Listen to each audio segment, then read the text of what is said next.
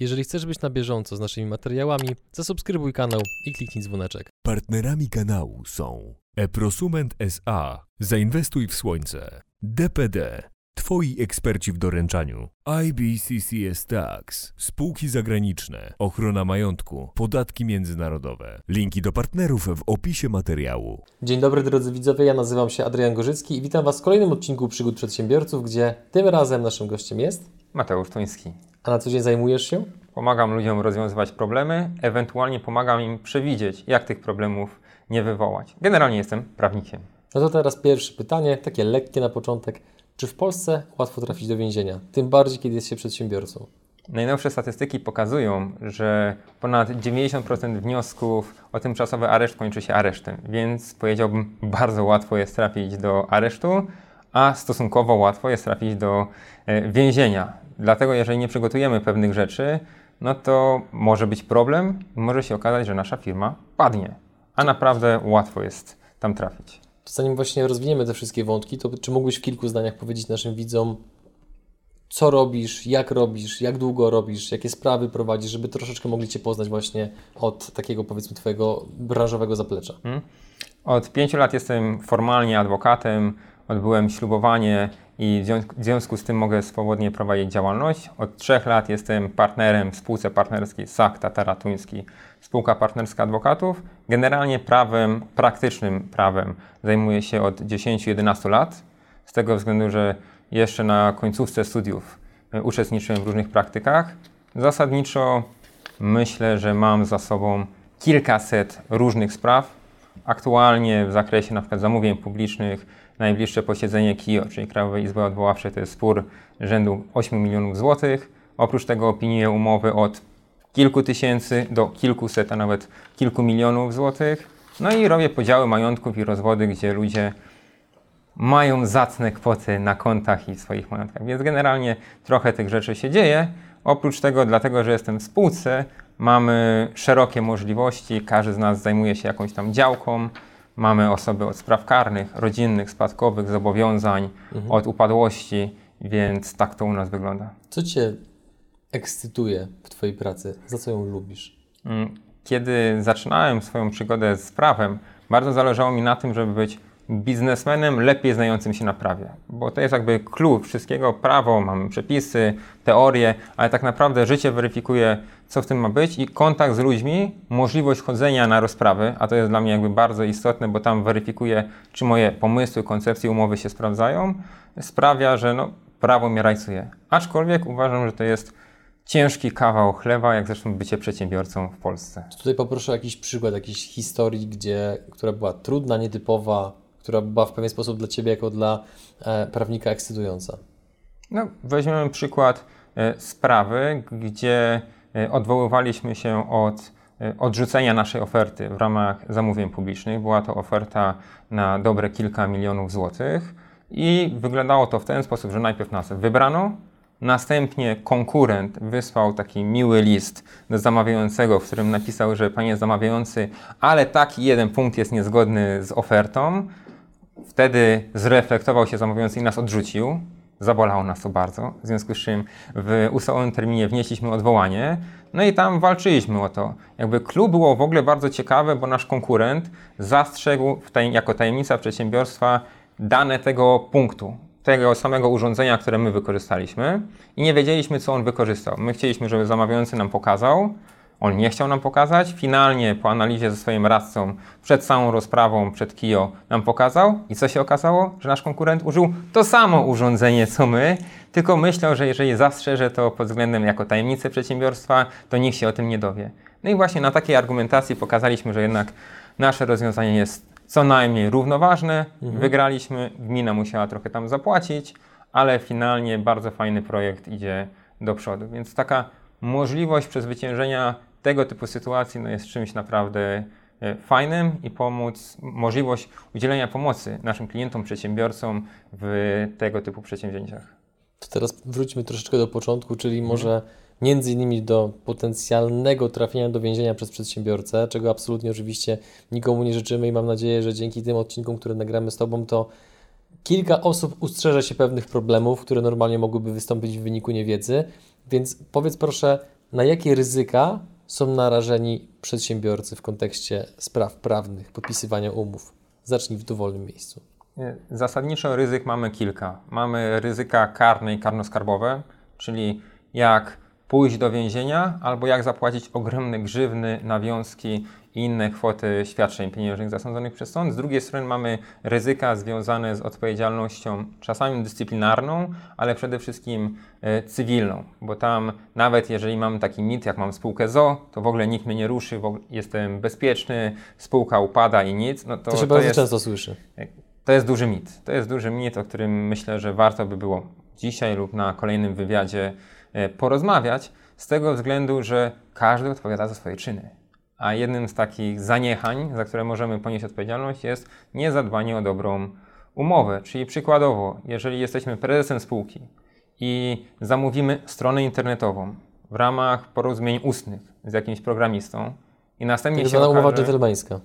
Można jako dżentelmeńska umowa, ale załóżmy, to nie jest dżentelmeńska, bo się nie znamy, prawda? Dżentelmeni to gdybyśmy się poznali, wtedy mhm. byśmy porozmawiali. Zwykły Kowalski wrzucamy ofertę i Kowalski usługi IT wysyła nam ofertę, że zrobi nam dedykowany sklep internetowy za 1200 zł. Więc fantastycznie bierzemy to, wierzymy we wszystko, co on nam mówi, jego prawa autorskie, jego e, własność kodu źródłowego. Bierzemy, ruszamy i nagle się okazuje, że spółka jest pozwana, bo na przykład wykorzystała layout jakiejś innej firmy, który był udostępniany na licencji, a my tej licencji nie mamy. No i teraz co się okazuje? No okazuje się, że no, faktycznie nie mamy tych praw. I teraz jak my możemy dochodzić praw od tego programisty, skoro nie mamy żadnej umowy? I do kogo wtedy spółka ma roszczenie? No ma do nas roszczenie. Ale ktoś może powiedzieć, no dobra, ale jak jestem jedynym udziałowcem albo głównym udziałowcem, to co mi zrobi spółka? No jeżeli nagle doprowadzi spółkę do takiej sytuacji, że już nie ma pieniędzy i trzeba ogłosić upadłość i wejdzie syndyk, to syndyk może się zainteresować tym, żeby przypadkiem część pieniędzy, choćby na pokrycie kosztów postępowania upadłościowego, odzyskać od siebie. I wtedy mhm. warto posłuchać na przykład Kamila Cieplickiego, co u Was był, który mówił, że który mówił o tym, jakie są e, ubezpieczenia od tego typu sytuacji. Oczywiście one nie obejmują umyślnego działania, ale przypuszczam, że raczej ktoś umyślnie nie działa w kierunku takim, aby zabić swoją spółkę. No, no raczej nie. Raczej nie. Kiedy przedsiębiorca, a, znaczy no to jest, odpowiedź jest, wydaje się jasna, ale i tak to poruszę. Kiedy przedsiębiorca orientuje się, że potrzebuje umowę? Przeważnie chyba kiedy jest za późno. Generalnie wtedy, kiedy się okazuje, że trzeba za coś ekstra zapłacić, albo kiedy przychodzi taki smutny pan jak ja na audyt od inwestora i mówi super fajnie, chcemy wejść w wasz biznes, ale tutaj pan mecenas Tuński napisał, że nie macie tego, tego i tego. I mówi, no to ja to załatwię. No i nagle się okazuje, że jednak załatwienie tego nie jest takie proste, albo problemy są tak duże, że potencjalne ryzyko wejścia w tą inwestycję jest zdecydowanie wyższe niż było na początku, a to stwarza, że wtedy czy ja, czy jakiś inny prawnik negocjujący umowę choćby inwestycyjną mamy dużo większe możliwości negocjacyjne, tak to bym nazwał. Innymi słowy, mhm. dostaniecie albo mniej hajsu, albo dostaniecie większe ograniczenia, więc warto od początku dbać o te umowy, z tego względu, że łatwiej jest wprowadzić pewną strukturę i pewne działania od początku, niż naprawać coś, co już jest gdzieś tam zakotwiczone w naszym sposobie bycia. A z czego Twoim zdaniem wynika taka popularność? Kiedyś usłyszałem taki skrót UNG,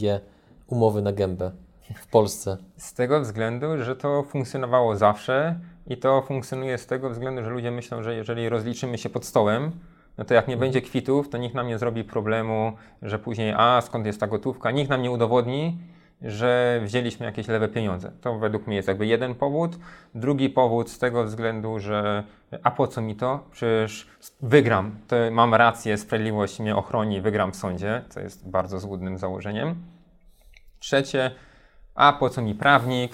E, poza tym pójdę, wyciągnę, najwyżej zmienię zamki, e, wezmę Ukraińców, inne rzeczy też ma to pewne wady. Prawda? No nie oszukujmy się, tego typu działania są dość problematyczne, więc z tego w mojej ocenie wynika działanie na gębę, plus bardzo często taka konieczność podjęcia decyzji tu i teraz. Prawda? W stylu, mhm. to jest ten deal, teraz robisz, bo za 5 minut to już przyjdzie inny klient, który powie, że e, on weźmie ten temat i ty musisz podjąć decyzję. Wiemy, że to są metody sprzedażowe NLP, prawda, które tutaj e, działają, że presję na tobie robią, żebyś podjął decyzję, a później to się przenosi na wiele, mhm. wiele negatywnych konsekwencji. Zresztą e, taką mądrą rzecz jeden z moich klientów powiedział, że przy każdej umowie są dwa momenty.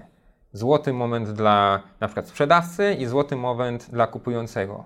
Dla kupującego jest wtedy, kiedy sprzedawca chce ci sprzedać, bo on wtedy bardzo mu zależy na tym, żeby to sprzedać, w związku z czym jest w stanie pewne ustępstwa zrobić. Natomiast jak już ma umowę i już wydał ci ten towar, no to teraz, żeby uzyskać umowę dobrą dla ciebie, no to to jest jego złoty moment. Z tego względu, że jeżeli nawet on nie ma tej umowy, ale ty masz jego towar, to może ci złożyć zawiadomienie, że przywłaszczyłeś jego towar. I wtedy przyjeżdżają panowie w niebieskich strojach, pytają, czy to jest ta rzecz, zabierają tą rzecz albo ją zabezpieczają. Generalnie afera na całe osiedle i PR no, no słaby, prawda? Bo dziwnym zbiegiem okoliczności na Twoim fanpage'u pojawia się filmik, jak panowie przychodzą i z tobą rozmawiają. No jakby różne rzeczy w praktyce widzieliśmy, później trzeba było walczyć choćby w sferze ochrony dóbr osobistych i tutaj walki o renomę e, danej firmy, ale jednak mhm. niezadbanie o pewne rzeczy na początku no, rodzi duże problemy. To może trochę przewrotnie, ale i tak zapytam, czy są jakieś zalety takiego gentleman's agreement, czy nie ma? Jeżeli to jest taka sytuacja, kiedy umawiamy się, Adrian, że idziemy na obiad i ty płacisz, to myślę, że to jest do, do, dobra sytuacja. To jest jedyny scenariusz. Ale no, przy takich drobnych rzeczach to myślę spoko. Możemy robić mhm. no, bez przesady, nie będziemy spisywać e, umowy na to, czy e, ty zapłacisz, ja zapłacę, pójdziemy. Natomiast wiele sytuacji pokazuje, że jednak warto, choćby, ja, ja nie mówię, że trzeba spisać umowę na papierze, prawda? Pewne rzeczy ustalić w mailach, w SMS-ie, w stylu słuchaj, daję Ci moje okochane autko, moją Skodunię, wymytą. Słuchaj, odwieź ją, zatankuj, uważaj. I teraz, jak ją rozbijesz, to przynajmniej wiem, że to ty nią jechałeś, że miałeś o nią zadbać i mogę z tobą rozmawiać, jeżeli się okaże, że OC tego nie obejmie, bo na przykład e, wciągnęłeś coś przed jazdą, prawda, na tej zasadzie. W związku z czym SMS e, też jest jakimś rozwiązaniem, prawda, no bo wtedy zwróćcie uwagę, mamy w zwykłej umowie ustnej albo nawet gentleman agreement, słowo przeciwko słowu. Ewentualnie słowo przeciwko Twojemu słowu i autobus Twoich świadków, którzy akurat wtedy słyszeli, będąc tam za drzwiami, że Ty powiedziałeś to. No jakby jest takie śmieszne powiedzenie, że powiedz mi, jaką potrzebujesz okoliczność, a autobus świadków się znajdzie. Więc taki SMS sprawia, no, że jednak w pewien sposób obiektywny jesteśmy w stanie coś potwierdzić. Bo nawet mhm. jeżeli Ty byś mi nie odpowiedział, ok, to ja mam nie odpowiedział nie zaprzeczył. Już jakby buduje wiarygodność swojej wersji, a to jest jakby bardzo, bardzo istotne, bo jedną z takich myśli przewodnich, które wpajał mi mój patron, czyli taki adwokat, jak idziesz, zaczyna swoją karierę tą zawodową, tą przez 3 lata prowadzi i cię wspiera i tutaj szkoli, to powiedział, że nie ma czegoś takiego jak sprawiedliwość, jest tylko to, co jesteś w stanie udowodnić w sądzie. I to jest taka złota myśl, którą ja staram, staram się mhm. klientom uzmysławiać i dlatego warto mieć umowę. A to, że im dłuższa, tym lepsza, to tylko w mojej ocenie sprawia, że jesteśmy w stanie na tym etapie formułowania umowy wiele elementów przewidzieć i zminimalizować kłótnie. To z Twojej praktyki, Twoich doświadczeń oraz Twoich kolegów po fachu, to z jakich powodów najczęściej przedsiębiorcy trafiają do więzienia? W jakich okolicznościach? Bardzo prostych. No, choćby sytuacja taka, że dziwnym zbiegiem okoliczności ktoś zatrzymuje kogoś, kto w ramach skruszonego gangstera, wskazuje Ciebie jako osobę, która na przykład uczestniczyła w karuzeli finansowej, osoba, która pomagała mu sprzedać jakieś fanty, czyli rzeczy pochodzące z przestępstwa. I no niestety często jest tak, że taka osoba jest uznawana za wiarygodną, bo dlaczego miałaby kłamać? Dlaczego miałaby akurat na ciebie wskazywać? Więc to jest po prostu jakby... wygodne tłumaczenie, rozumiem, wymiaru sprawiedliwości, no, dzięki czemu sobie po prostu ułatwiają pracę. To, to jest jakby jeden z dowodów do tego, żeby cię złapać, złożyć wniosek na przykład o tymczasowe e, aresztowanie, prawda, zastosowanie tymczasowego aresztowania i wówczas pracować nad tobą, żeby pewne rzeczy usiągnąć, ewentualnie zbierać inne dowody to. To jest jakby jedna kwestia. E, druga kwestia jest taka, no, że nie oszukujmy się, jako Polacy mamy w naturze to, że gdzieś kombinujemy i wiele osób no, ma coś za uszami. Czysta, prosta sytuacja. W miejscowości, z której pochodzę, czyli z brzegu, kiedyś była akcja poszukiwaniu pedofili. I zrobili akcję, y, zaczęli zatrzymywać różne komputery. No i myk polegał na tym, że wydaje, że żadnego pedofila nie znaleźli, ale na większości komputerów był Windows nielegalny, Office nielegalny, a to jest przestępstwo. No i nagle co? I tracisz. Tracisz, mhm. nie dość, że sprzęt, nie dość, że masz jakieś tam kary, do zapłacenia związane z tym, e, to jeszcze masz na przykład, jeżeli źle poprowadzisz tą sprawę, no to skazanie w swojej karcie karnej, a jak wiemy, no niektóre zawody wymagają tego, żeby ich pracownicy w niektórych zawodach mieli nieskazitelny charakter, a taka, mhm. takie skazanie za paserkę no, robi problem. Więc taka zbytnia wiara w siebie, zbytnia wiara w innych sprawia, że właśnie łatwo jest trafić do więzienia i zostać skazanym. A to, o czym mówiłeś, że mm, ktoś potencjalnie może nas wskazać jako powiedzmy osobę zaangażowaną w przestępstwo, czy ja dobrze kojarzę, że to jest ten, ta instytucja małego świadka koronnego? Mm. Czy to jest coś jeszcze innego? To, to jest jakby... Bo była taka głośna sprawa mm. z mhm. dość znanym raperem, który właśnie został wskazany jako osoba, która była zaangażowana w handel narkotykami, no i w efekcie tego, jak dobrze pamiętam, chyba on trafił do więzienia. Generalnie to jest tak, że mamy pewną gradację, prawda? Tutaj tych priorytetów. Tutaj świetnym gościem by był mój e, partner w spółce mecenas który akurat w sprawach karnych ma ogromne doświadczenie 15 lat i to takich bardzo zaawansowanych wątków i karuzele na miliony. Czy nie jedno widział? Nie jedno widział, słyszał, nie jedno go zaskoczyło i coraz mniej już go zaskakuje, prawda? I zasadniczo e, myk jest taki, że jeżeli przychodzi policja o 6 rano ze śniadaniem i pobudką do takiego delikwenta, rzuca go na glebę i mówi jedziemy. I on wtedy nagle się reflektuje, ale może pojedziecie po mojego kolegę. I wtedy zaczyna się łamać. No to wszystko zależy, na ile te informacje są tak naprawdę istotne, bo one mogą wpłynąć w pierwszym jakby wymiarze na wymiar kary, mogą skutkować jakimś tam nadzwyczajnym złagodzeniem, ewentualnie mogą po prostu skłonić prokuratora do tego, aby nie zastosować tymczasowego aresztowania w stosunku do niego, bo współpracuje, składa wyjaśnienia, więc są pewne jakby przesłanki. Jeżeli już powie więcej i to naprawdę jakby są często informacje nowe albo wskaże na innych e, tutaj przestępców, którzy z nim współpracowali, no to wtedy możemy wejść na poziom e, świadka małego koronnego, który jest mhm. w kodeksie karnym regulowanym. Wtedy masz na przykład możliwość skorzystania z warunkowego zawieszenia kary w takich przestępstwach, za które normalnie byś tego nie dostał, nadzwyczajne złagodzenie kary. I jeżeli już jesteś w ogóle top of the top, to możesz zostać świadkiem koronnym, mamy zupełnie inną regulację. Później możesz swoją książkę wydać. Mamy takiego słynnego świadka koronnego, który książkę mamy. wydał, prawda? A później się okazało, że robił watowskie e, różne rzeczy gdzieś chyba na boku. Przynajmniej tak media wskazują. Nie wiem, nie byłem, nie widziałem ale mamy pewną gradację i ludzie po prostu mówią, no, mhm. jest bardzo mała obawa poniesienia odpowiedzialności za fałszywe zeznania. I dlatego tak ważne jest w byciu prawnika, żeby takie bezczelne i chamskie, bo to tak trzeba nazwać, kłamstwa wyłapywać, wykazywać, składać zawiadomienia, jakby usprawnić ten wymiar sprawiedliwości, żeby jednak te osoby dostawały karę. Bo ja uważam, że takie nie wysokość kary jest kluczowa, tylko poczucie nieuchronności kary. Czyli jeżeli taka osoba by była już raz skazana za fałszywe zeznania, no to później jak ona znowu na kogoś sypnie, no to już trzeba, a no coś jest nie tak, prawda, na tej, na tej zasadzie. A czy jest jakaś taka grupa spraw, która przez przedsiębiorców jest w pewien sposób bagatelizowana, a z praktyki wiesz, że zaniedbanie tych spraw powoduje, że ryzyko pojawienia się na radarze wymiaru sprawiedliwości oraz ryzyko więzienia jest dość duże? W mojej ocenie branża budowlana jest obarczona takim dużym ryzykiem z tego względu, że bardzo często w tej branży pojawiają się dwa typy jakby przestępstw. Pierwsze to są przestępstwa oszustwa i drugie to jest przywłaszczenia. W kwestiach są umowy poregulowane. Dlaczego o tym mówię? Bo załóżmy, realizujemy inwestycje, jesteśmy podwykonawcą, nie mamy kasy, wręcz mamy długi, bierzemy kontrahentów z założenia, że nasz kontrahent wypłaci nam pieniądze w czasie i dzięki temu my zapłacimy za tych, których bierzemy i jeszcze uregulujemy należności tych wcześniejszych. No i problem polega na tym, że nie regulujemy tych rzeczy. Co więcej, nikomu nie regulujemy tych pieniędzy. I teraz takie cwaniactwo, kombinowanie, bo jakoś to będzie, albo pogoda zła, bo mi nie zapłacili, no, w dzisiejszych czasach, przy dobrym poprowadzeniu tego postępowania karnego, naprawdę daje możliwości skazania takiej osoby.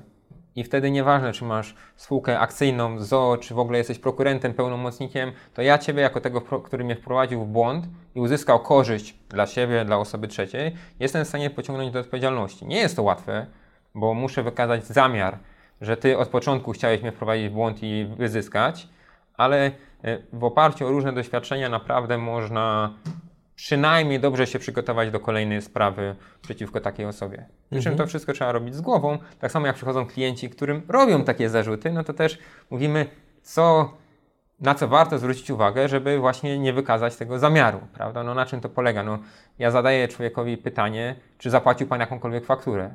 No, no tak, płaciłem. No to dlaczego Pan nie zapłacił dalszych? I on nagle mi pokazuje. ZUS mi zajął rachunek bankowy. Y, Pokłóciłem się z żoną, rozstaliśmy się, skończyła się sprawa o podział majątku. Miałem kryzys, pracownicy odeszli, y, zniszczyło mi materiały, więc pojawiły się pewnie obiektywne przesłanki, o których my często jak prowadzimy biznes zapominamy. I właśnie prawnik jest od tego, żeby on dokładnie wypytał nas o różne okoliczności, bo czasami te drobne okoliczności mogą wpłynąć na to, że na gruncie cywilnym tak, odpowiadamy, bo mamy komuś zapłacić, ale nie odpowiadamy na gruncie karnym. A to jest jakby bardzo niebezpieczne, bo praktyka pokazuje, że jeżeli ktoś jest skazany i nie miał pieniędzy, to żeby nie iść do więzienia, często te pieniądze e, znajduje, prawda? Na tej zasadzie, no bo nie chcemy iść na wakacje, na przykład na rok czy na, na dwa lata, bo w tym czasie możemy robić inne, inne ciekawsze rzeczy.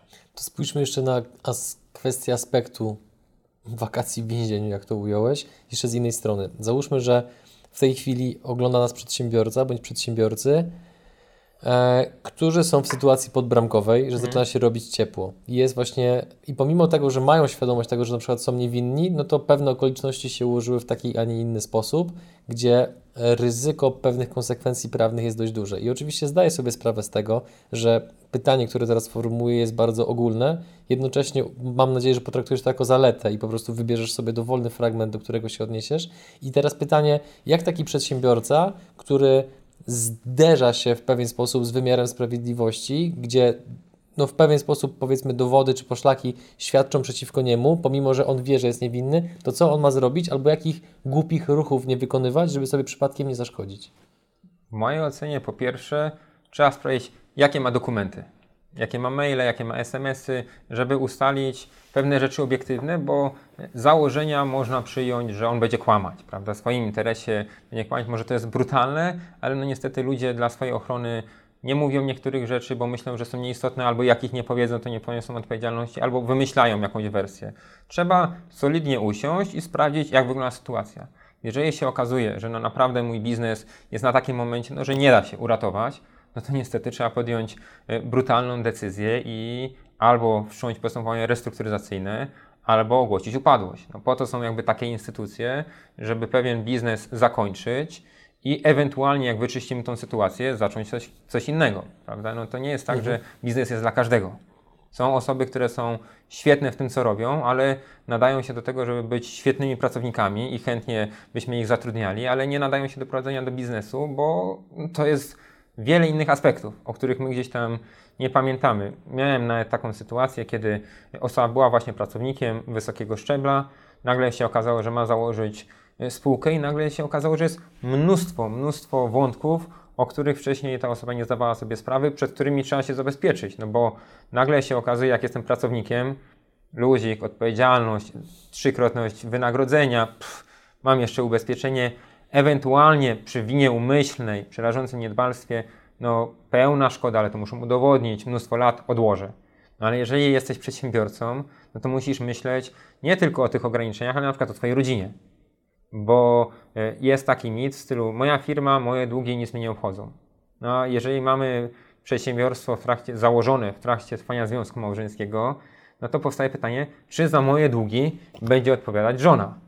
No i tutaj jest tak, że to zależy, prawda? Czyli ulubione słowo każdego prawnika. No my mieliśmy taką sytuację, gdzie komornik był bardzo aktywny i próbował wiele rzeczy zająć i my musieliśmy wskazywać, nie, to jest we wspólności, żona nie wyraziła zgody na ten kontrakt, nie możecie zająć. Ale wtedy z tych rzeczy, co wchodzą do przedsiębiorstwa, normalnie egzekucję można prowadzić. Dlatego odpowiadając na Twoje pytanie, trzeba odpowiedzieć sobie samemu, czy naprawdę jest tak źle, że się nie da uratować i wtedy trzeba zamknąć ten biznes i wyczyścić przedpole i ruszyć z czymś nowym, a jeżeli jednak jest szansa, żeby to naprawić, no to w jaki sposób, prawda? I wtedy też są różne rozwiązania związane z tym, jak się zabezpieczyć na przyszłość. Natomiast jeżeli myślimy, że trafimy do więzienia, no to warto pomyśleć, kto będzie prowadził naszą firmę, kiedy my będziemy w swoim pięknym, przytulnym, dwuosobowym pokoju z telewizorem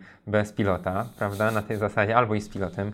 Nie wiem, nie byłem, e, więc nie powiem, jak tam jest w środku, ale zasadniczo, e, jeżeli my wyjdziemy, a byliśmy jedynym prezesem, e, jedynym członkiem zarządu, jedynym udziałowcem, no to jak my przeprowadzimy walne zgromadzenie? No to teoretycznie przychodzą notariusze do zakładów karnych, ale to jest duży problem. Pytanie, po co?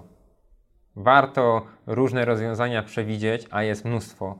Inny członek zarządu w zarządzie, prokurent, pełnomocnik. No jest multum możliwości, żeby nie zabić firmy, a czasami naprawdę bardzo łatwo na jednym błędzie zniszczyć coś, co robiliśmy latami. Mhm. To wróćmy teraz do samej kwestii umów, bo nie wiem, czy to też obserwujesz, zwłaszcza na Facebooku, gdzie mi się bardzo często zdarza obserwować takie wątki, dyskusje, gdzie ludzie poszukują jakiegoś wzoru umów, żeby od kogoś skopiować, żeby zrobić jeden do jednego, podmieniając tylko dane. jakby, jakie są Twoje doświadczenia właśnie z tym? No bo zakładam, że prawdopodobnie intencją takich ludzi jest bardzo często to, że po prostu no, chcą za zaoszczędzić jakieś tam pieniądze na konsultacji z prawnikiem, tylko pytanie, czy ta gra jest warta świeczki. To się nazywa optymalizacja kosztów. Kiedyś, pamiętam, przyszedł do mnie taki młody chłopak, on powiedział, panie mecenasie, bo ja w metodzie Lean przeczytałem, że to trzeba ciąć koszty, robić jak najmniej i dlatego proszę tylko sprawdzić, ile kosztuje sprawdzenie. Po czym ja zobaczyłem regulamin, który on pokazał i już wiedziałem, że to jest metoda hardkorowego kopiuj wklej. Co to jest metoda hardkorowego kopiuj wklej? Czyli część wezmę z jednego regulaminu, Drugą część wezmę z drugiego, po czym wiem, że z drugiego, bo tam na przykład było usługodawca, tutaj jest wykonawca, czyli nawet definicje się nie zgadzają, a kończę jeszcze jakimś innym wzorem. I zasadniczo co trzy strony zupełnie inne pojęcia się pojawiają. I wtedy ja mówię tak, ok, za poprawienie tego regulaminu, regulaminu jest na przykład 1502, bo tyle czasu będę musiał spędzić na to, żeby go ujednolicić, zrobić, albo napiszę panu nowy za 1200 zł. I to jest jakby podstawowy problem, że to jest takie oszukiwanie samego siebie, że my na tym zaoszczędzimy.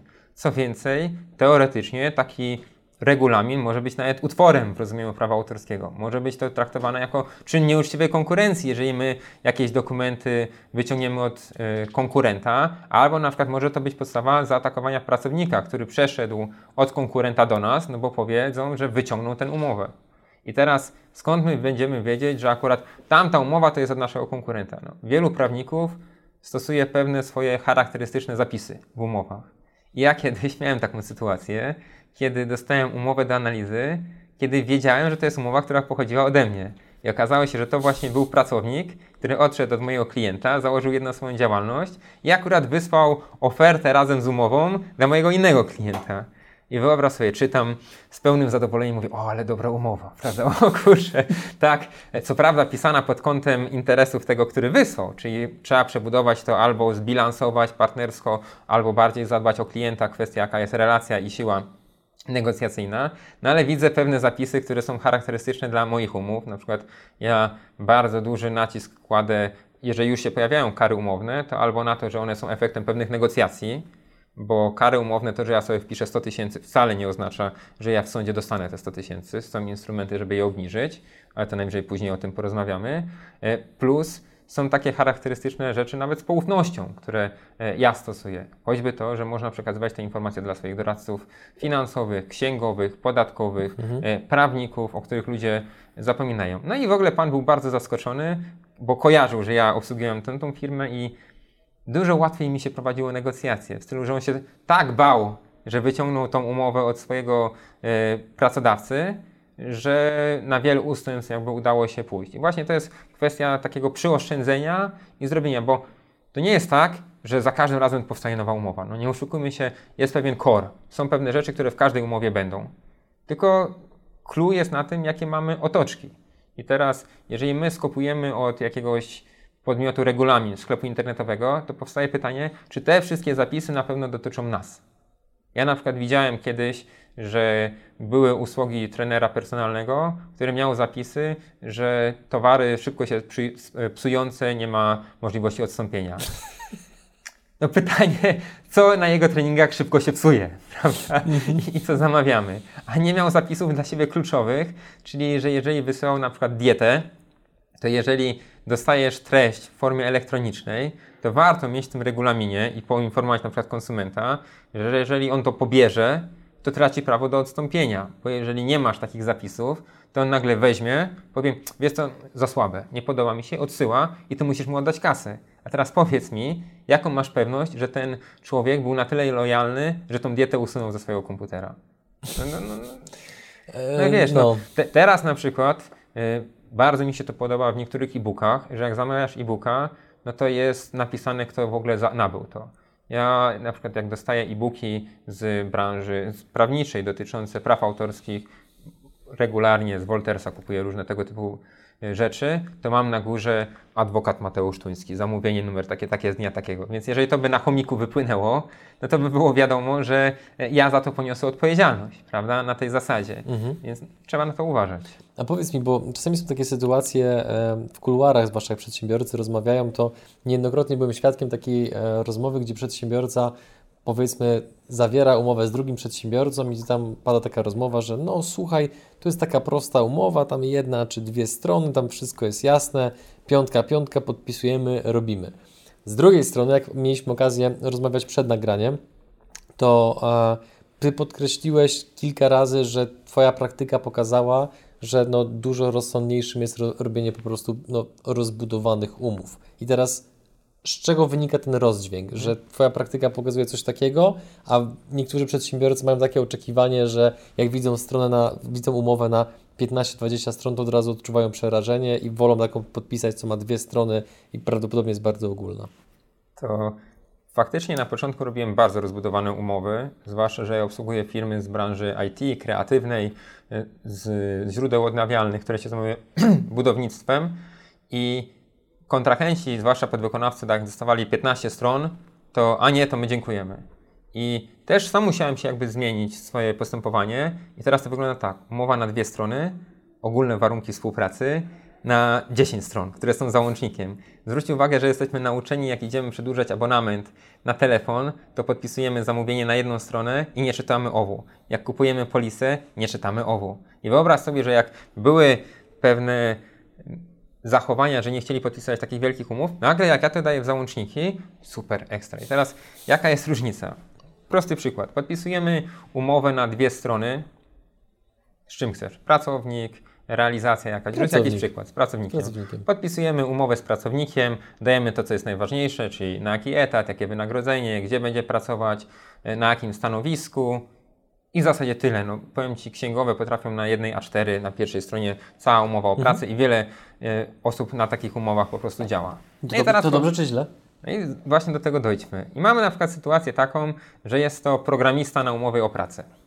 I teraz taki programista na umowie o pracę na przykład tworzy coś twórczego, co jest utworem nie ma zapisu w ogóle o prawach autorskich. Albo masz magiczny zapis, przenosi wszystkie prawa autorskie do wszystkiego, co stworzy, który mhm. jakby jednolicie jest przyjmowany, że jest zapisem, jeżeli nie nieważnym, to przynajmniej nieskutecznym.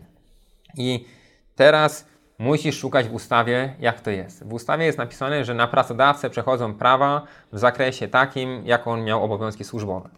Więc dostajesz prawa tylko w tym zakresie, ale na przykład chciałbyś stworzyć wersję 2.0, a to już są prawa zależne.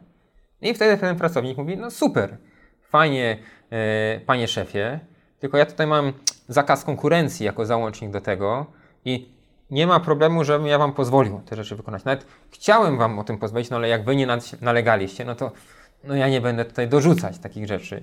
Ale no te dwa lata zakazu konkurencji i tylko wypłata 25% wynagrodzenia, słabo.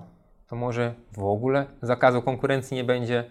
I wtedy się okazuje, że przy takiej słabej umowie Druga strona ma pewne argumenty do negocjacji z nami. Jakby tendencja w branży IT pokazuje jednak, że te umowy są coraz lepsze, ale ja miałem taką sytuację, gdzie nawet przy relacji B2B, przy dość rozbudowanej umowie, w której był bardzo dobrze napisany zakaz konkurencji, co też nie jest e, łatwą sztuką, bo zakaz w stylu nie możesz robić nic albo nie możesz robić wszystkiego, co jest w moim PKD w ramach KRS, i nagle się okazuje e, w ramach ciekawostki jedna z dużych firm ochroniarskich ogólnopolskich, jak widziałem ich KRS, ten główny, to tam nawet jest budowa statków kosmicznych.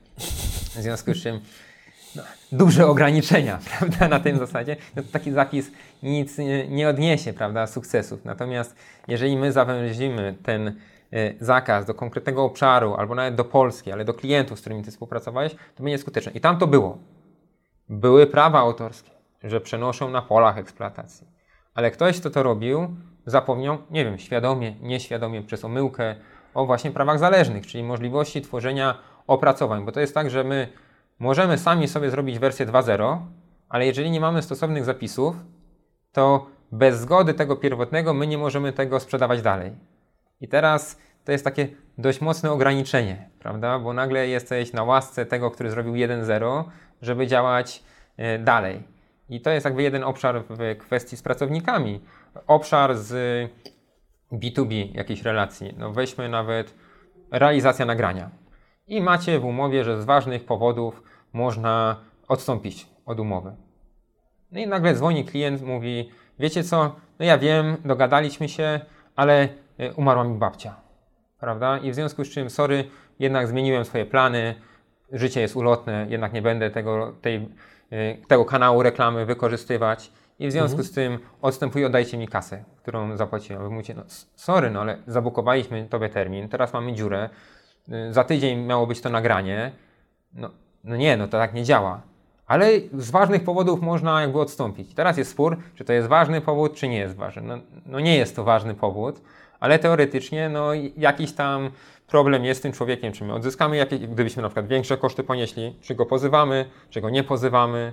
No, wydaje mi się, że często nasi przedsiębiorcy mają tak, że wielu tego typu kontrahentom się odpuszcza. Na zasadzie wiemy, ile miesięcy trwa spór mhm. sądowy i koszty takiego sporu są dla nas wyższe niż walka i ludzie jakby na tym bazują, że dlatego właśnie są często nielojalni, bo liczą na to, że nie pójdziemy do sądu.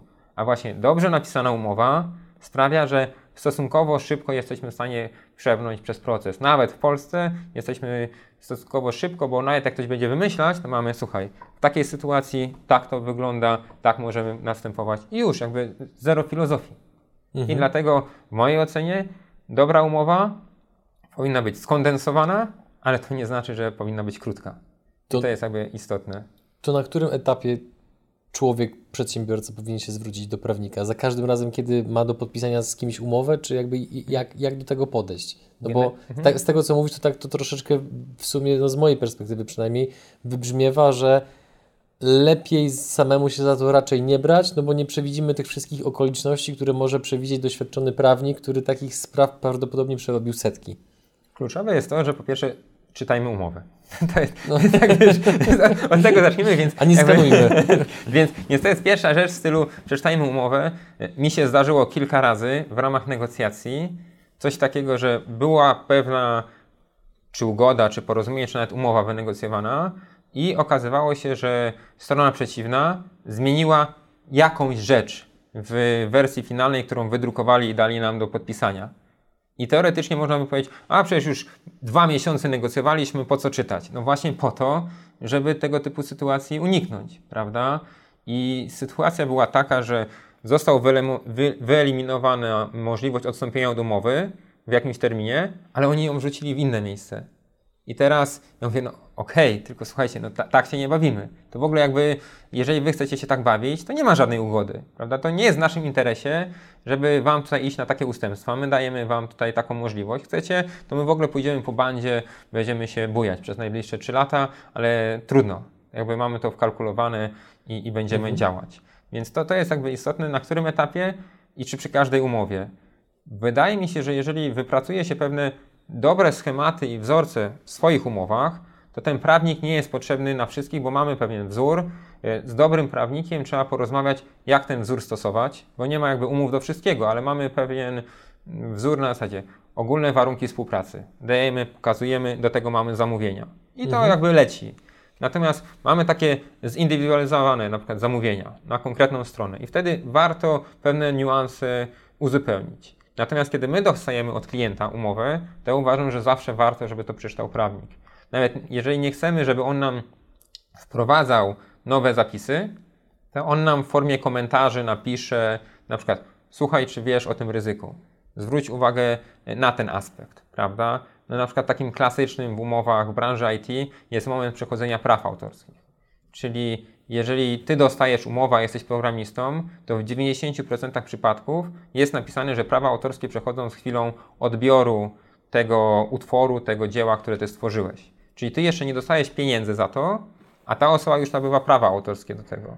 I teraz to jest duże ograniczenie. Czy ty jesteś w ogóle tego świadomy? Czy w ogóle jest możliwość renegocjacji tego warunku? Bo można to zrobić na zasadzie takiej, że jeżeli płacą ci miesiąc, co, co miesiąc, to na przykład prawa przechodzą, jak zapłacą ci transze za miesiąc, kiedy to powstało. Prawda? Jeżeli nie możesz tego renegocjować, no to wzmocnij gdzieś kwestię gwarancji wypłaty wynagrodzenia. Ja na takie rzeczy zwracam, to jest tak jak e, przy umowach deweloperskich. E, jest czasami tak, że mamy spółkę celową. Spółka celowa, czyli często jakaś spółka, na przykład ZO albo ZO komendytowa, założona tylko na potrzeby realizacji jakiejś inwestycji, budowa, sprzedaż, chwilę potrzymać, aż rękojmia minie i likwidujemy, a czasami nawet przepadają jeszcze w okresie, kiedy obowiązują te rękojmie. I teraz czytasz taką umowę deweloperską i okazuje się super ekstra, mam takie zabezpieczenia, jak znajdę na balkonie rysę, to zadzwonię tutaj do tej spółki i oni przybiegną e, w 5 minut i to zrobią. Ale jak spółki nie będzie, to do kogo ty zadzwonisz?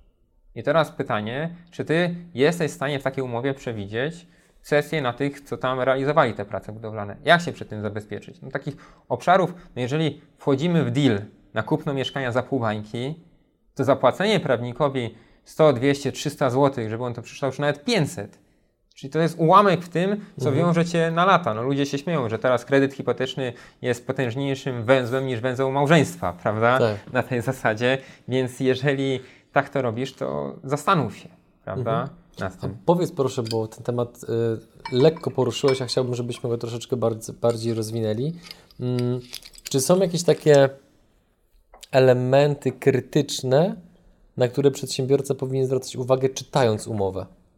Bo powiedziałeś, że warto jest powiedzmy dać to prawnikowi, żeby to przeczytał w porządku, natomiast jakby no zakładam, że niektórzy przedsiębiorcy być może również samodzielnie będą mhm. chcieli spróbować swoich sił, żeby jakkolwiek wiedzieć, co tam jest napisane, więc czy są jakieś takie kluczowe elementy, na które przedsiębiorca powinien patrzeć? Elementów takich kluczowych jest co najmniej kilka. Pierwsze to jest zakres obowiązków, czyli jeżeli robimy umowę na kampanię marketingową, to teraz jeżeli Ty będziesz miał napisane, że przedmiotem umowy jest zrealizowanie kampanii marketingowej pod nazwą taką i taką, a kilka punktów niżej masz, że wykonawca zobowiązuje się uwzględniać uwagi zamawiającego, plus będzie na bieżąco uszczegółowiane, to teraz powstaje pytanie. Jeżeli ta osoba będzie ci narzucać mnóstwo rzeczy, to czy ty za to możesz dostać ekstra kasę, czy musisz to zrobić w pierwotnym wynagrodzeniu? Jeżeli się ustaliłeś wynagrodzenie za robocze godziny, no to luz. Robisz, robisz. No ale często klient chce ryczałtówkę. Czyli chce z góry wiedzieć, ile ma zapłacić, wystawisz mu fakturę i działamy. I teraz, jeżeli my zbyt ogólnie określimy nasze obowiązki, no to nagle się okaże, że możemy dostać dużo więcej pracy niż pierwotnie zakładaliśmy. Drugi mhm. aspekt jest taki, że jeżeli damy też zbyt dużo swobody klientowi w zakresie zgłaszania wad, jeżeli zrobimy tak, że mamy poprawiać wady za każdym razem, no to teraz wyobraź sobie, dostajesz stronę internetową, zgłaszasz 20 błędów. Usuwają te 20 błędów, ale ty znalazłeś 21 jeszcze ze wcześniejszego. I zgłaszasz ten pierwszy. I zgłaszasz jeszcze jeden. A masz napisane w umowie, że dopiero odbiór jest wtedy, kiedy będzie protokół bez zastrzeżeń. I przesuwa się, przesuwa, w międzyczasie jest kara umowna za opóźnienie w realizacji w wysokości, nie wiem, 1% za każdy dzień opóźnienia. Nagle się okazuje, że dowodzisz temat dwa tygodnie po czasie, i klient ci nie płaci całej faktury, tylko na przykład wystawia ci notę obciążeniową, nalicza ci karę umowną, szczelmy 14 dni, niech będzie po 100 zł za dzień, 1400 zł mniej. No to to jest 1400 zł, które jesteś w plecy. Dlaczego? No bo nie zadbałeś o to, że w umowie były pewne tury wprowadzenia poprawek, czyli wprowadzasz jakby jedną turę i druga tura to nie jest nowe znalazłem, tylko do tych, które już usuwałem, prawda? Czyli ty usiądź człowieku, solidnie to przetestuj i dopiero wtedy e, zgłaszaj nam uwagi. Co więcej, no ja miałem takie spory, które były bardzo drogie jakby z punktu widzenia moich klientów, gdy chodzi o moją usługę przygotowania się do sporu. Bo jak ja dostawałem na przykład 50 maili, bo ktoś rano wysyłał, że nie działa na przykład streaming, e, dwie godziny później, że stopka jest źle zrobiona, trzy godziny później inne, ja musiałem to usiąść i sam to czytać. Ja zawsze klientom mówię, jakby są dwa warianty rozliczenia ze mną.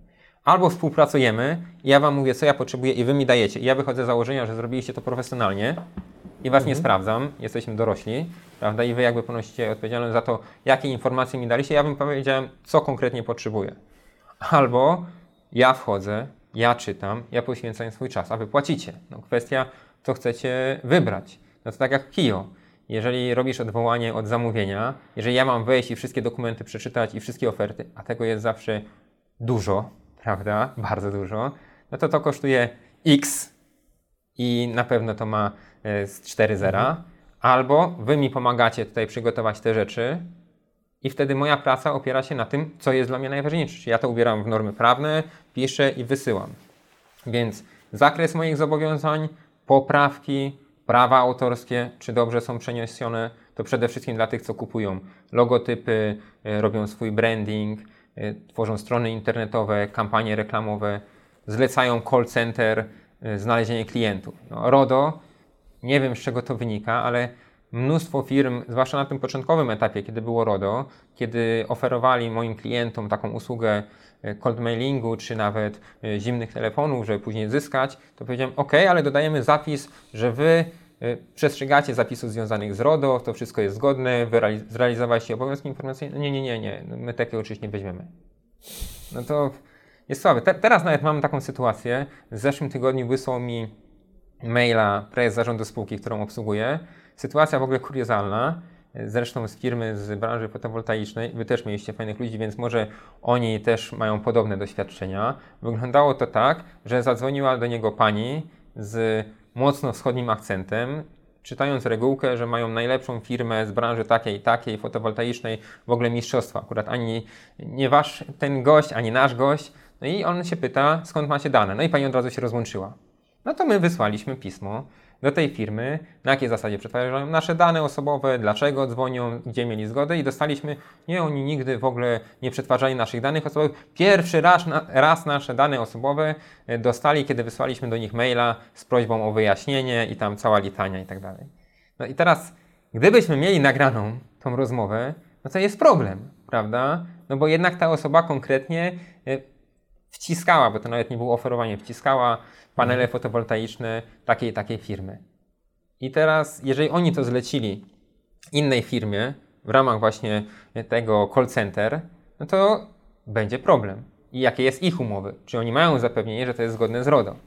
Na tej, na tej zasadzie, więc tu mamy mhm. kolejne RODO, prawa autorskie, konkurencje. Tych zapisów naprawdę jest dużo. Adrian, dużo, mhm. dużo. To wróćmy jeszcze do jednego wątku, który sobie e, omawialiśmy, ustalając strukturę całego e, odcinka. E, temat Founders Agreement. Czyli dlaczego już na początku warto ustalić, kto za co odpowiada i kto mhm. za co płaci. Czy to jest rzecz bagatelizowana przez przedsiębiorców? Generalnie nie? ja nie wiem dlaczego. U nas nie ma wykształconej takiej kultury tworzenia właśnie porozumień founderów, czyli twórców jakiegoś przedsięwzięcia. Bo Founders Agreement to jest takie porozumienie wstępne, które reguluje zasady dojścia do pewnego punktu w inwestycji, prawda? Czyli na przykład wpadłeś z Bartkiem na pomysł przygody przedsiębiorców, chcecie założyć ten deal, macie pomysł taki, że będzie studio, będzie spółka, no i super. I nagle się okazuje, że ktoś musi wyłożyć pieniądze na lokalizację, ktoś musi wyłożyć pieniądze na przykład czy to zarejestrowanie S24, czy na wykup spółki, czy na notariusza, czy na prawnika. I zaczynacie się kłócić. No Adrian, ale no słuchaj, no jeżeli ty chcesz mieć 50% na przykład udziałów, ale ja jestem głównym pomysłodawcą, no to sorry, musisz zapłacić więcej, prawda? Albo, no słuchaj, wiesz co, jak w miesiąc tego nie domkniemy, to ja w ogóle wychodzę z tego dealu, prawda? Albo, e, słuchaj, potrzebuję od Ciebie Twoje dane do formularza, PESEL, MAMA i tam inne rzeczy, e, spoko, e, za tydzień, za dwa. I ty jakby to, to się przewleka w czasie. I teraz takie Founders Agreement w mojej ocenie jest świetnym dokumentem, że siadamy, super, chcemy współpracować, często znamy się, ale spiszmy te zasady, kto za co odpowiada, w jakich terminach robimy, taki plan działania i finansowania tych działań. Plus, jak będzie ten kolejny podmiot wyglądać. Czy to będzie spółka, czy to mhm. będzie Twoja działalność, a ja będę z B2B z Tobą. I to bardzo, bardzo mocno pomaga.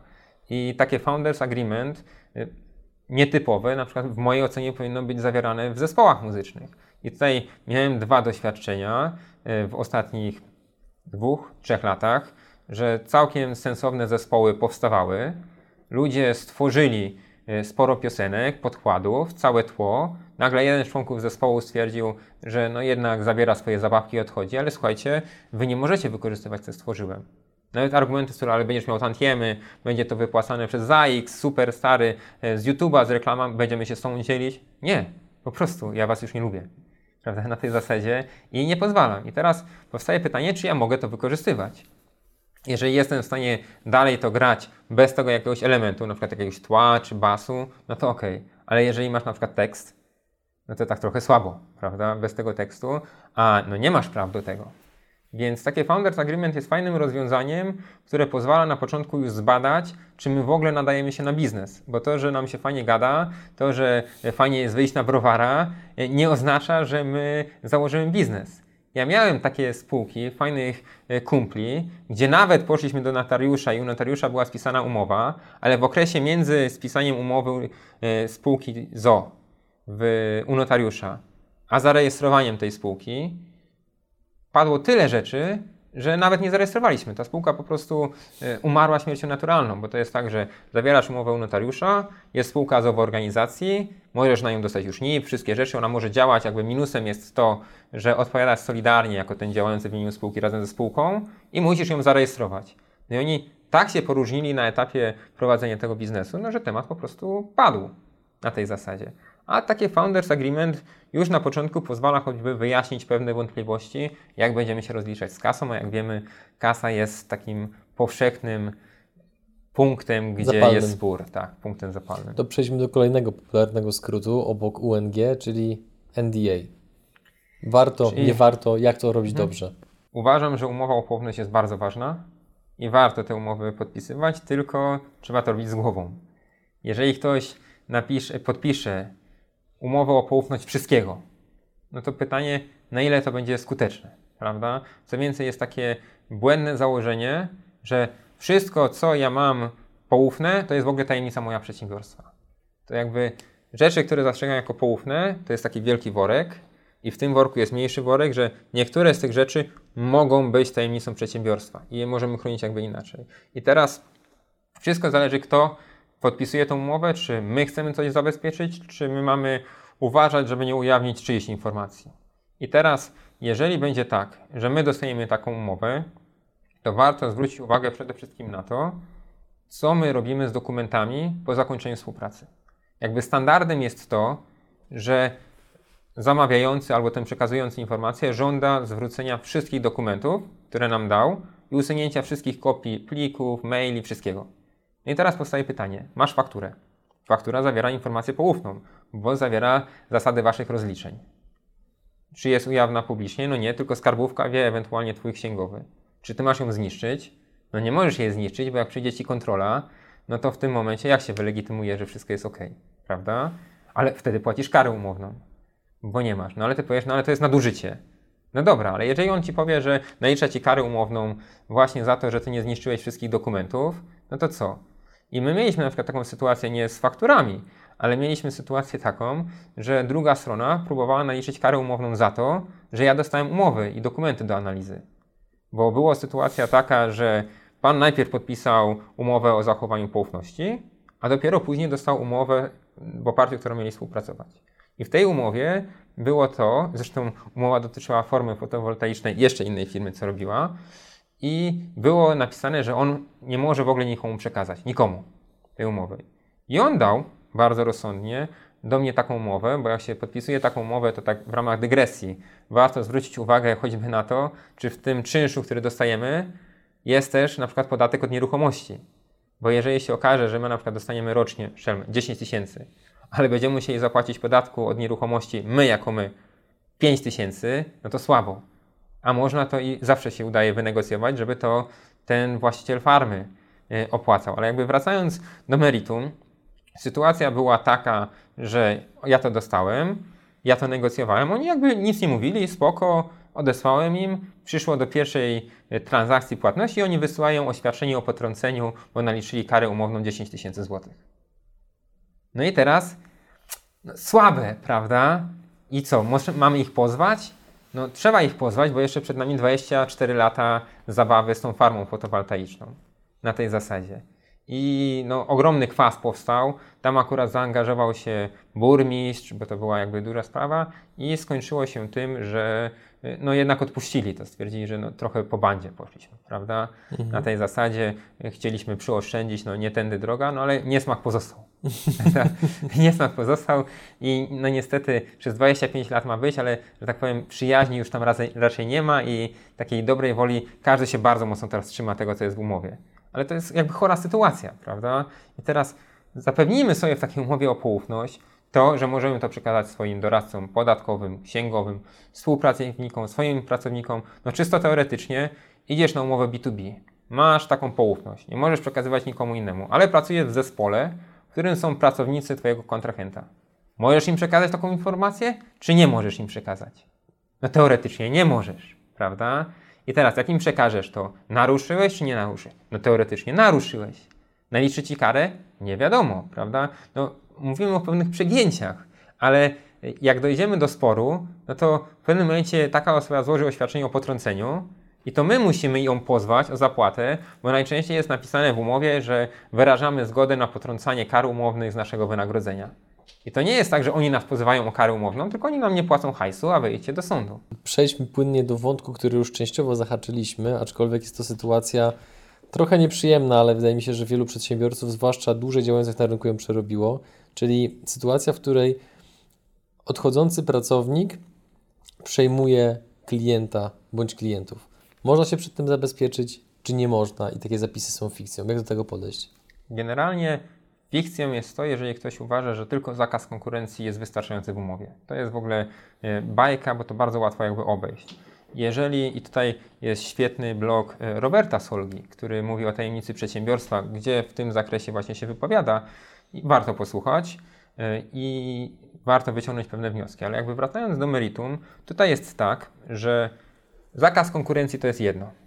Kwestia ekwiwalentności tych świadczeń, bo ja nawet teraz mam taką sprawę, którą kończymy i uważam, że osiągnęliśmy bardzo dobry rezultat, kiedy mój klient wyszedł z firmy, miał umowę zlecenia nie B2B, tylko on był jako osoba fizyczna, tylko z uwagi na optymalizację kosztów związanych z ZUS-em był na umowie zlecenia, miał zakaz konkurencji na 100 tysięcy złotych. Kuriozum polega na tym, karą umowną na 100 tysięcy złotych, zakaz obejmował wszystkie punkty PKD tego jego pracodawcy, było ich 20 chyba parę. Sporo. I, tak, sporo, zwłaszcza, że część w ogóle, z którą mój klient nigdy nie był związany. No i on po konsultacji z Googlem doszedł do wniosku, że w ogóle co tam mu zakaz, on zakłada działalność e, bardzo zbliżoną do tej, którą prowadził jego pracodawca. No i pracodawca, wezwanie, pozew, 100 tysięcy, idziemy do sądu.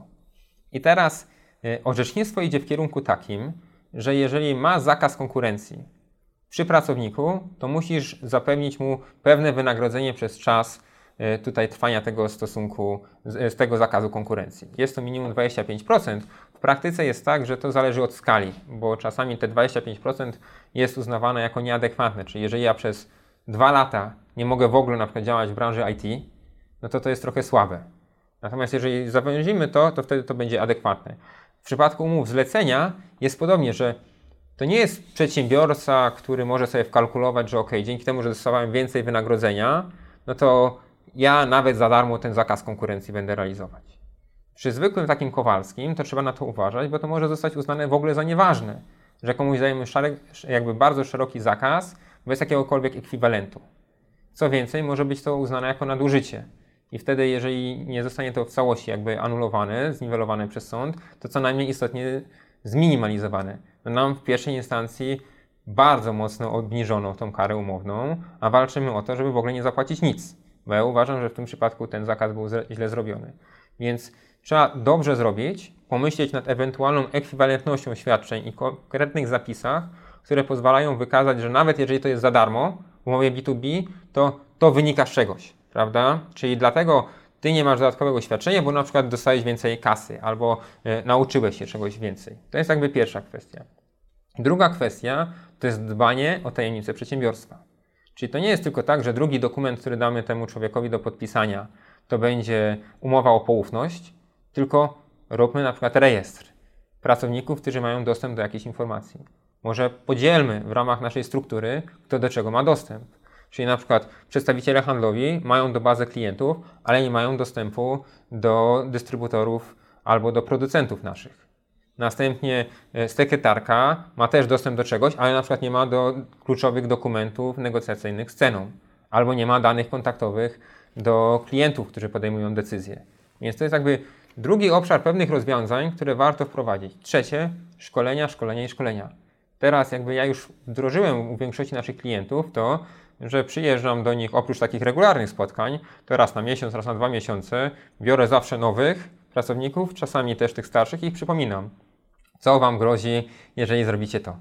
Co Wam grozi, jeżeli zrobicie to. Co zyskujecie dzięki temu, że to przestrzegamy.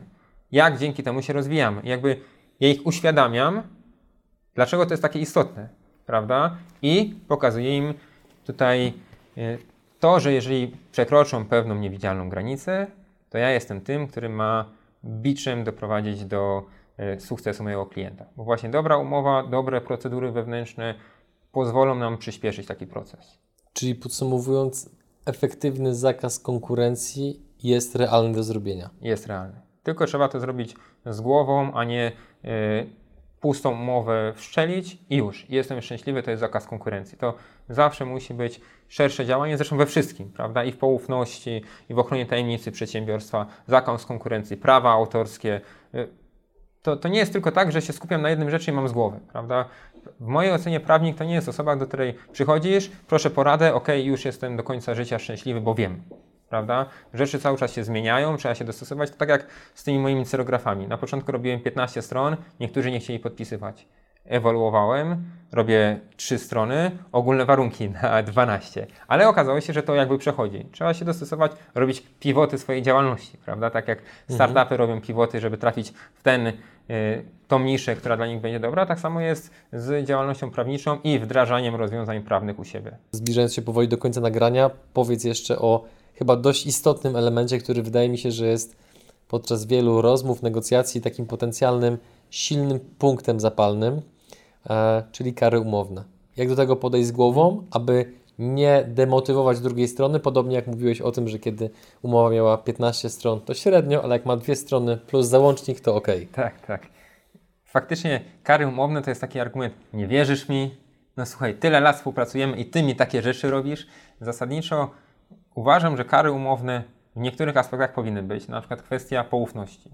Weź udowodnij, że akurat taką konkretną szkodę poniosłeś z tego tytułu, że ktoś udostępnił taką i taką informację. No jest to bardzo skomplikowane, jakby idea kary umownej jest taka, że ty tylko wykazujesz, że wystąpiło takie zdarzenie, za które naliczasz karę umowną. Czyli na przykład ujawniono informację, dostajesz karę umowną. Jednak no, ten argument, że to nie jest partnerskie, a w ogóle na zachodzie to kto myślał o karach umownych, tam wszyscy przecież normalnie funkcjonują i ten biznes jakoś nie umarł, no to mamy rozwiązania. Są pewne takie rozwiązania partnerskie, które ja na przykład wdrażam w naszych umowach i to są różne schematy naliczania kar umownych. Na przykład w zakresie realizacji IT jest to na zasadzie takiej. Na przykład za opóźnienie jest taka i taka kara umowna, ale jeżeli dowiedziesz temat w terminie końcowym, to ja anuluję Ci wszystkie wcześniejsze kary umowne. Uczciwe? Uczciwe. Kolejny aspekt jest taki, że na przykład, jeżeli dowiedziesz temat szybciej, to dostajesz punkciki. Jeżeli wolniej, to ujemne. Później to rozliczamy i w oparciu o to też wychodzi. Masz motywację, bo nagle może się okazać, jeżeli temat szybciej dowiedziesz, to będziesz miał bonus, który jest przewidziany. E, kolejna kwestia jest taka, że mamy pewne procedury bieżącego informowania, wymiany informacji, jak to działa. To jest przede wszystkim istotne, jeżeli mamy w metodyce Agile, realizujemy jakąś inwestycję, jakiś projekt, no to ważne, żeby zadbać o to, żeby nasz kontrahent dał kogoś merytorycznego do współpracy. No bo czasami te opóźnienia są związane z tym, że na przykład ktoś nie zna odpowiedzi, ktoś nie ma wystarczających upoważnień, zanim przejdziesz całą listę aprowali, to minie tydzień, a wy już ten sprint, w ramach którego mieliście coś zrobić, już dawno zapomnieliście co było, chcecie przejść dalej, ale nie możecie. Więc e, też warto uzależnić od tego, że te opóźnienia to nie jest każde opóźnienie. To jest na przykład takie, które albo jest zawinione przez Was, albo wynika z tego, że czegoś nie przewidzieliście, ale z takim większym aspektem na waszą winę, czyli robimy karę umowną za zwłokę, a nie za opóźnienie. Bo wiele osób zamiennie używa zwłoka i opóźnienie, a to są w świetle jakby prawa dwa zupełnie inne terminy. Opóźnienie to jest każdy dzień, nieważne, czy to jest z Twojej winy, czy z winy podwykonawcy, czy z winy kontrahenta, to jest opóźnienie. Mhm. Natomiast zwłoka to jest to, co, za co ja odpowiadam. Czyli jeżeli ja doprowadziłem do tego, że nie dojechałem z terminem, no to ja za to ponoszę odpowiedzialność. Mhm. No i teraz właśnie a propos odpowiedzialności. Co zrobić, żeby ją z jednej strony ograniczyć względem nas samych, żebyśmy byli mhm. troszeczkę bardziej bezpieczni, a z drugiej strony, żeby osoba, z którą tą umowę podpisujemy, żeby faktycznie nie mogła się od tej odpowiedzialności uchylić. Tak, po pierwsze, nie wyobrażam sobie, jak można prowadzić działalność gospodarczą, nie mając OC. No my, jako adwokaci, mamy obowiązkowe OC. Zresztą są takie branże, co muszą u nas to OC łącznie w ramach spółki, w którym jestem, to jest kilka milionów złotych. Jakby ja sam musiałem w pewnym momencie, jak robiłem, e, negocjowałem umowę inwestycyjną, musiałem mieć OC na 2,5 miliona złotych, żeby spać spokojnie. I teraz jeżeli my nie zadbamy o to, bo różne rzeczy mogą się wydarzyć, to już jest jakby duże ryzyko. Podam Ci na przykładzie. Teraz realizuję taką sprawę karną, realizuję, uczestniczę w sprawie karnej, gdzie były, y, był realizowany wyrąb drzewa w lesie. I mężczyzna sprzątał, miał zahaczyć kłodę, podnieść rękę, wyjść, drugi raz podnieść rękę i mieli tą kłodę wyciągnąć. Facet, który był na traktorze, źle spojrzał na to, i myślał, że to już jest druga ręka, na zasadzie drugie podniesienie. Pociągnął, no i facet jest teraz warzywem. I teraz myk polega na tym, że y, mamy dwa podmioty odpowiedzialne. Jednego pracodawcę, tego, który tą kłodę robił, że źle zorganizował, drugie faceta, który był podwykonawcą i tą kłodę wyciągał. Obaj są oskarżeni. Jakie będzie rozstrzygnięcie, zobaczymy. Ciężko jest jakby powiedzieć, ale clue jest następujące. Okazuje się, że a bo te OC to takie drogie, coś tam, po co, bo jeszcze oferty nie miałem i w tym okresie jeden z nich nie miał OC. I teraz my rozmawiamy o życiu, zdrowiu osoby, która normalnie funkcjonowała, a teraz jest do końca życia warzywem. Na utrzymaniu rodziców, gdzie matka jest chora, ojciec też jest mocno schorowany. Więc my nie mówimy tutaj o odszkodowaniu na poziomie 5 tysięcy, 10 tysięcy. To naprawdę grube kwoty wchodzą w grę. I teraz, jeżeli ty nie masz takiego ubezpieczenia, jakiegokolwiek, no to sorry człowieku, powiemy, a ja szybko to przepiszę na żonę, to przepiszę na dziecko. My mamy u nas w kancelarii pani mecenas e, Migalska-Gajda, to takie cuda robi ze skargami pauliańskimi, czyli takimi sytuacjami, kiedy właśnie uciekasz z majątkiem, że spokojnie, znajdziemy cię, prawda? To jakby za późno podjęłeś decyzję o pewnych działaniach, bo tak jak rozmawialiśmy o planowaniu, można zminimalizować ryzyka przez dobrze rozłożenie ciężarów i z majątkiem, i ze wszystkim. Ale jak już mleko się rozlało, no to masz problem. Więc po pierwsze OC. Po drugie, można próbować uzyskać limity odpowiedzialności. Czyli na przykład mówimy w zakresie kar umownych. Wprowadzamy, że ok, kary umowne możecie nam naliczać, ale nie więcej niż na przykład 50% kontraktu albo 100% kontraktu. Bo czasami jest tak, w mojej ocenie, zwłaszcza jeżeli patrzę na niektóre wielkie inwestycje budowlane, że tak naprawdę ten generalny wykonawca zarabia przede wszystkim na tych karach umownych, które są naliczane pod wykonawcą i to jest jego zysk. Może to jest jakby brutalne, może to jest zła jakaś opinia, kogoś krzywdząca, ale jakby patrząc na spory, gdzie ja występuję często w imieniu tych podwykonawców i walczymy o wypłaty, te rzeczy, no to to jest bardzo powszechna praktyka. No, jeden z dużych takich właśnie podmiotów zajmujących się pracami drogowymi, wręcz miał więcej osób chodzących z BHP, która sprawdzała, czy nosi wszystkie rzeczy, za co można naliczyć karę umowną, niż innych osób, prawda? To jakby się zmienia, z tego względu, że jakby rynek się zmienia jeżeli ktoś wie, że generalny jest taki, no to nie pójdzie do niego na kontrakt, a ludzie są potrzebni, rąk do pracy brakuje. Więc kwestia limitowania kar umownych i tu w większości przypadków udaje się to jakby wynegocjować.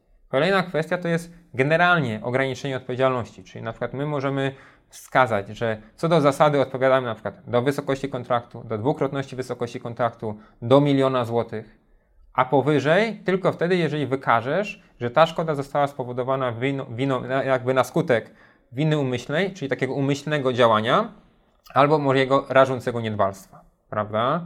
I wtedy ok, zawaliłem, możesz wykazać. Bo to są jakby dwie jedyne, to są jedyne sytuacje, kiedy ja nie mogę wyłączyć swojej odpowiedzialności w ogóle. Natomiast często jest tak, że niektórzy starają się totalnie wyłączyć swoją odpowiedzialność. Jak poczytasz wiele regulaminów serwisów B2B, no to tam Nie odpowiadam za utracone korzyści. Nie odpowiadam za coś tam, coś tam. Przykładowo za to, że serwis nie będzie działać. Bo ty się na to zgodziłeś. I póki co w relacjach B2B takie ograniczenia, które nam narzucają, a przecież regulaminu najczęściej nie możemy negocjować, no to są pewne ryzyka, które musimy wkalkulować, prawda? To się zmieni możliwe od stycznia. Zobaczymy, co zrobi nasz racjonalny ustawodawca, ale na chwilę obecną z czerwca tego roku na styczeń przyszłego roku została przesunięta nowelizacja w zakresie odpowiedzialności w kontraktach, umowach pomiędzy przedsiębiorcami. Mianowicie będzie taka istotna zmiana, która mocno wpłynie na zmianę regulaminów. Jestem ciekawy, ilu tutaj słuchaczy będzie szukało od jakiego konkurenta znaleźć i tą klauzulę wkleić w swoim regulaminie, a ilu faktycznie e, przystąpi do jakiegoś prawnika, zaktualizuje ten regulamin tak, żeby różne nowe mhm. rozwiązania tam zastosować, ale będzie coś takiego, że niektórzy przedsiębiorcy w relacjach z innym przedsiębiorcą będą traktowani tak jak konsument. Czyli na przykład będą mieli prawo do odstąpienia od umowy bez tutaj jakiegokolwiek powodu w ciągu 14 dni, chyba że tam będą stosowne disclaimery podpięte. Będą mieli więcej uprawnień z rękojmi, bo teraz na przykład masz taką możliwość, żeby wyłączyć w ogóle odpowiedzialność z tytułu rękojmi. Czyli daje Ci dzieło, nie wiem, zrobiłeś tutaj do przygód przedsiębiorców ślizgawkę, prawda? Super, żeby się... Chciałbym tak. No i zjeżdżasz, żeby było od razu na piętro niżej, co tam wziąłeś, to na fakturę wrzucasz. No i ślizgawka Ci się rozwaliła. I teraz, jeżeli masz napisane, że nie odpowiada tytułu rękojmi, to ty musisz udowodnić, jakby cała, du dużo trudniej jest, że to oni źle zrobili, nie z powodu złego użytkowania, etc., etc. Przy rękojmi jest tak, że do roku jest domniemanie, że ta wada istniała w produkcie i dlatego to się rozsypało. Dopiero po roku ja mam, czyli mhm. masz w trakcie procesu przerzucony ciężar dowodu. Kto inny musi pewne rzeczy udowodnić, żeby uzyskać korzystne rozstrzygnięcie. No i taka zmiana idzie od przyszłego roku, zresztą sporo zmian idzie od 2021 roku. Zobaczymy. Ostatnio słyszałem taki żarcik z Last Christmas. Zbiera, już niedługo będziemy słuchać Last Christmas. A ktoś powiedział, mam nadzieję, że w zeszłym roku, patrząc na to, co jest w tym roku, to nie była ostatnie Last Christmas. Więc e, trzeba, trzeba uważać, trzeba się przygotować do tych rzeczy. Ja również mam nadzieję, że to nie było Last Christmas i teraz do widzów informacja, słuchajcie, to jest pierwszy odcinek serii eksperckiej z, właśnie nie wiem jak powiedzieć, z Mateuszem czy z mecenasem tuńskim? Z Mateuszem. mecenasem Mateuszem. Generalnie ja zasadniczo staram się być nieszablonowym prawnikiem. Zresztą mhm. moją taką ideą jest to, żeby być biznesmenem trochę lepiej znającym się na prawie, bo właśnie na tym polega elastyczność w dzisiejszych czasach, żeby to prawo pomagało, a nie mhm. było pewną barierą. Więc możesz mi mówić Mateusz, Okej, okay, dobra, dobra. Na tej zasadzie i myślę, że w ten sposób normalnie na ty możemy się zwracać. Dobrze, czyli to był pierwszy odcinek serii eksperckiej z Mateuszem, który jest prawnikiem, ale bardziej biznesmenem. Tak można powiedzieć? Można tak powiedzieć. I jeżeli macie oczywiście jakieś pytania a propos tego odcinka, to proszę stawiajcie je w komentarzu. E, a Ty jeszcze, Mateusz, proszę powiedz, w jaki sposób można Ciebie znaleźć. Będziemy to mówili w każdym odcinku, żeby ułatwić nawigowanie naszym widzom i słuchaczom. Oczywiście. Moi drodzy, sytuacja wygląda tak, że w opisie tutaj tego nagrania będą linki do strony mateusztuński.pl, linki do strony naszej kancelarii spółki partnerskiej. Tam znajdziecie kontakt, możecie pisać, dzwonić Zobaczymy, jak możemy Wam pomóc, jak możemy Was ostrzec, jak możemy przewidzieć rozwiązania dla zminimalizowania Waszych ryzyk. Dokładnie tak. My stawiamy kropkę, idziemy się przygotować do kolejnego nagrania. Do zobaczenia w kolejnym odcinku. Cześć.